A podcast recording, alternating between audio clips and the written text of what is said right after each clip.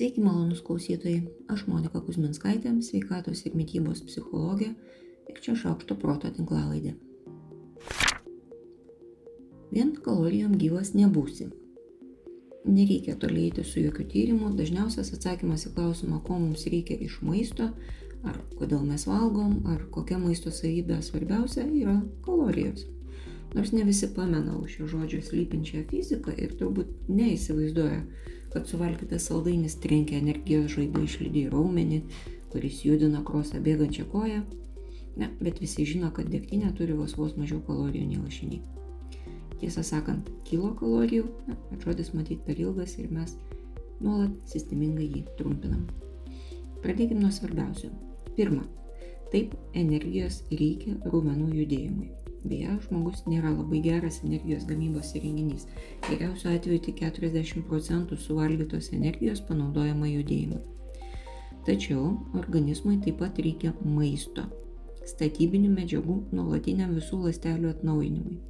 Juk girdėjot, kad žmogus atsinaujina beveik visas kas septynis metus. Nors tai ir, ir nėra tikslus faktas kabutėse, na, bet tai populiariai tikrai sakoma. Ir juk ne iš oro pasigamina naujas lastelės, tik iš to, ką žmogus suvalgo. Antra. Niekada tiksliai nežinome, kiek kalorijų suvalgome. Tik dėl to, kad kaloringumo matavimo būdai nėra tokie pat ar net panašus į organizme vykstančius procesus. Matuojant kaloringumą, maistas yra deginamas, o pas mus viduje, skrandyje, maistas yra veikiamas stipri rūkštimi ir po to stipriu šarmu. Trečia, niekada tiksliai nežinoma, kiek kalorijų sudeginame, neturime jokio skaitliuko, jokio bako ikonėlės, kuri rodytų, kiek tų kalorijų mums liko, o kiek jau sudeginome. Sunaudojamas energijos kiekis priklauso nuo temperatūros, e, nuo kūno temperatūros ir aplinkos temperatūros, priklauso nuo nuotaikos, nuo patiriamo nerimo ir atsipalaidavimo, hormonų balanso, sveikatos, lygotumo konkrečių metų nuovargio ir dar daugelio kitų veiksnių, kurių įvertinti tiesiog neįmanoma. Ketvirta, ne, taip, taip, ne pabaiga. Organizmas turi bent tris būdus pasigaminti reikalingos energijos iš baltymų, iš riebalų ir tiesiai iš angliavandenio. Visa tai yra aprašyta labai kompleksinėje krepso ciklo schemoje. Jeigu įdomu, pasieškokit tikrai labai sudėtingi mechanizmai ir tai nėra taip paprasta, kaip įmesti pagaliuką į ugnį ir žiūrėti, kaip jis sudega. Kitaip tariant, kol nors ką nors suvalgome, be energijos neliksime. O štai be vertingų maisto medžiagų labai lengva likti, nes juk 1500 kilokalorijų vertės cukraus krūva niekada nebus toks pat vertingas maistas kaip tokios pat kalorinės vertės daržovių salotos. Ne, todėl palinkėjimas trumpas ir aiškus. Ne kalorijose yra esmė ir nėra didelio reikalo jomis rūpintis. Žymiai svarbiau yra maisto sudėtis. Trumpa reklama. Pas mane galima užsiregistruoti ir mano daktaras LT platformoje. Jei jums tai patogu, jei ją naudojatės, maloniai lauksiu įnačių ir per šias duris. O jei taip registruotis neketinate, bet esame susitikę ir norite bei galite pasidalinti atsiliepimu šioje platformoje, būsiu labai dėkinga. Žmonės, kurie valgo dėl emocinių priežasčių, kitaip reaguoja į stresą ir į maistą. Šiame tyrime dalyviai atlikę stresą keliančią užduotį pildė patiriamo nerimo klausimyną. Taip pat buvo matuojamas jų kraujo kortizolio lygis. Emocinio valgymo grupės dalyviai patyrė reikšmingai daugiau nerimo. Ir nenustabu, nes kortizolio lygis jų kraujyje buvo reikšmingai didesnis. Tačiau po to, kai jam buvo pasiūlyta užkandžių, emocinio valgymo grupės dalyvių smegenyse buvo žemesnis sužadinimo lygis už atlygį atsakingose smegenų srityse nors maisto jie po to suvalgė tiek pat, kiek kontrolinė grupė - emocinio valgymo sunkumų nepatirintis dalyviai. Tai tik vienas iš daugelio aspektų, kurie rodo, kokias gilios šaknis suleidžia sutrikęs valgymo procesas organizme. Tai ne šiaip sugalvotas sprendimas kažką daryti. Žmonės iš tiesų fiziologiškai labiau jaudinasi ir mažiau džiaugiasi valgydami. Mankšta padeda sumažinti neigiamų emocijų, kurios veda į persivalgymą ir norą suvalgyti ko nors skanaus poveikį. Šiame tyrimė dalyvė su viršsvoriu atliko nuo vidutinio iki aukšto intensyvumo mankštą ir rašė tyrėjų struktūruotą dienoraštį. Jame registravo savo norą valgyti ir kitus dalykus. Nors prieš programos pabaigą dalyvės jautė didesnį nerimą ir stresą, tai būtų galima aiškinti suvokiamą kontrolės sumažėjimu ar praradimu, bet norą persivalgyti ar tiesiog valgyti joms skanų maistą sėkmingai slopino mankšta. Aš matyt siūlyčiau atlikti savarankišką eksperimentą ir patikrinti, ar mankšta jums daro tokį poveikį. Fiziologinių priežasčių tokiam efektui tikrai yra. Aktyvi simpatinė būsena mankštos metu yra priešinga valgymui reikalingai parasimpatiniai būsenai.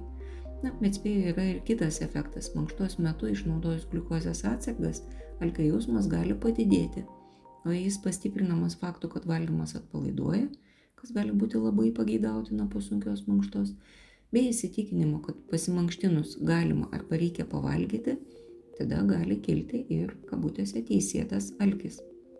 Čia gal iš tiesų svarbu, kad mankšta būtų vidutinio ar didelio intensyvumo, vertinama pozityviai, o taip pat būtų pakankamai tolerancijos nuovargios jausmui, kad apetito slopinimas vis tik nugalėtų. Kokia jūsų patirtis? Ar mankštinatės, ar jaučiate kažkokius pokyčius alkyje? Pasidalinkit, prašau, komentaruose, bus labai įdomu ir visiems naudinga. Ar turit mėgstamą muziką? Na, beveik visiems turbūt galima tvirtinti, tai aišku, kad turit. Tai, kokią muziką renkamės, gali būti ne tik gerų mūsų vidinės būsenos atspindžių, bet ir gali padėti patekti į mums labiau norimą būseną. Pavyzdžiui, žinoma, daug kartų klausyta ir mums maloni muzika aktyviai veikia kaktinę smegenų žievę ir atpalaiduoja. Mes galime nuspėti, kaip muzika vystysis toliau, Mums malonu būti teisiems, kai žinome, kas bus toliau.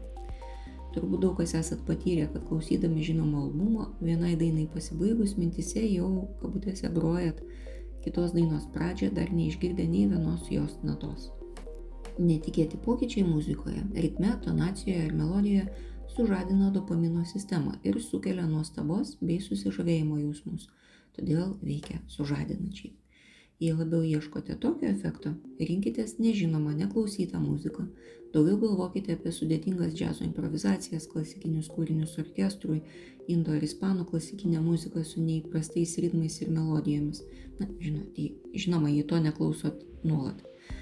Arba kūrinių su sinkopė, taip vadinamu peršokančiu ritmu. Susidaryti savo grojarašius gerai nuotaikai, ramybei, pykčiui, liūdėsiu ir kitoms būsenoms palaikyti ar sužadinti tikrai labai gera mintis.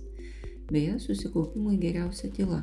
Ir tik labai atskiriais atvejais tinka specifinė muzika, panašiausia į baltą triukšmą. Dėkoju vakarykštį konsultacijai, kuri man padovanojo svarbę nuostatą su aiškiu žodiniu įvardymu papasakosiu apie ją ir pasiūlysiu jums susijusi mintinį eksperimentą. Nuostata yra apie gyvenimo tempą. Kaip ir daugelio dalykų, mes nuolat bandom mokytis apie tai, kokiu tempu kabutėse reikia gyventi. Mokomės iš aplinkos. Šiais laikais labai madinga gyventi greitai. Lėkti, įsimesti, brūkštelti, užkasti, prasukti. Ir tikrai daugam labai naudinga, kai visi jaudinasi ir skuba. Čia kaip manipulacijai kviečianti rankenėlė, kurią visada gali paspausti ir kažką gauti greičiau. Bet galiausiai gaunasi, atsiprašau, Jablonski, gyventelti. O tai jau kažkodėl nebedžiugina. Gyvenimo sudrumo suvokimas tiesiogiai priklauso nuo to, kiek pakeliui spėjai pasisemti. O jeigu skrendi paviršiumi, pasisemti daug neišeina. Tiesa, apskritas plotas bus didelis, bus įdėta daug jėgų, bet tai nebūtinai yra tai, ko norėjome iš gyvenimo. Gyventi lietai dabar irgi madinga. Lietas valgymas, lietas laikas, retrytai, detoksai irgi gali būti puiku, bet tai reikia praktikuoti be kaltės jausmo, o ne greitai suvartoti tam, kad būtų jėgų lėkti toliau. Man atrodo, kad taip kaip kiekvienas esame skirtinga asmenybė, taip kiekvienas turime savo tinkamiausią gyvenimo greitį kurie niekas negali mūsų išmokyti, kurį kiekvienas randame, kalibruodami savo planus pagal savo patirtis. Čia buvo per daug, čia per mažai, čia vėl per šalį, o čia buvo pats tas. Tol, kol gyvenimo tempo rodiklė rodo būtent mano skaičių. Žinoma, bus dienų, kai reikės didesnio tempo, kai kažkas įstabdys, bet kompasas jau vietoje ir jis visada rodės tinkamą kryptį. Taip, ne visiems toks jūsų tempas tinka, bet tai nereiškia, kad jis yra neteisingas, jis tik yra kitoks. Ir kokia tada laimė, kai susirenka kompanija spirgančių ir skrendančių, kompanija besimėgaujančių lietą akimirką, kompanija nuolat norinčių pokyčių ir nuolat norinčių ramybės. Nes iš tiesų nėra teisingo tempo, yra tinkamas žmogui arba tinkamas situacijai tempas skirkit tam penkias minutės, jei reikia pieškit, jei reikia rašykit, jei reikia imkit kalendorių ir perdėliokit jį tol, kol jūsų dienotvarkė jums atrodys tinkama. Ir tada pamatysit, kur rodo jūsų gyvenimo kompasas. Tai eksperimentas. Eksperimentas yra viena iš dažnai naudojamų technikų kognityvinė elgesio terapija. Eksperimentas yra skirtas patikrinti įsitikinimo teisingumui Įsitikinimai yra saliginai tvirti, bet nebūtinai teisingi sprendimai, kuriuos naudojam nekritiškai, nebetikrindami kiekvieną kartą jų teisingumo. Klaidingi įsitikinimai gali metų metais mus vesti neteisingų kelių, taip ir nesuprantant, kas su manim, ar su kitais, ar su pasauliu yra negerai. Eksperimentas leidžia atpažinti klaidas įsitikinime ir stovint akistatoje su nauja informacija jį pataisyti bei perkonstruoti iš naujo. Jei eksperimentuojate, pasidalinkit prašau savo patyrimais. Bus labai įdomu ir visiems naudinga. Šiai savaitai tiek. Aš Monika Kuzminskaitė, sveikatos ir mytybos psichologė, padedu spręsti kasdienius ir sudėtingus elgesio, mąstymo ir emocijų klausimus. Rašau, skaitau paskaitas, teikiu psichologinės konsultacijas.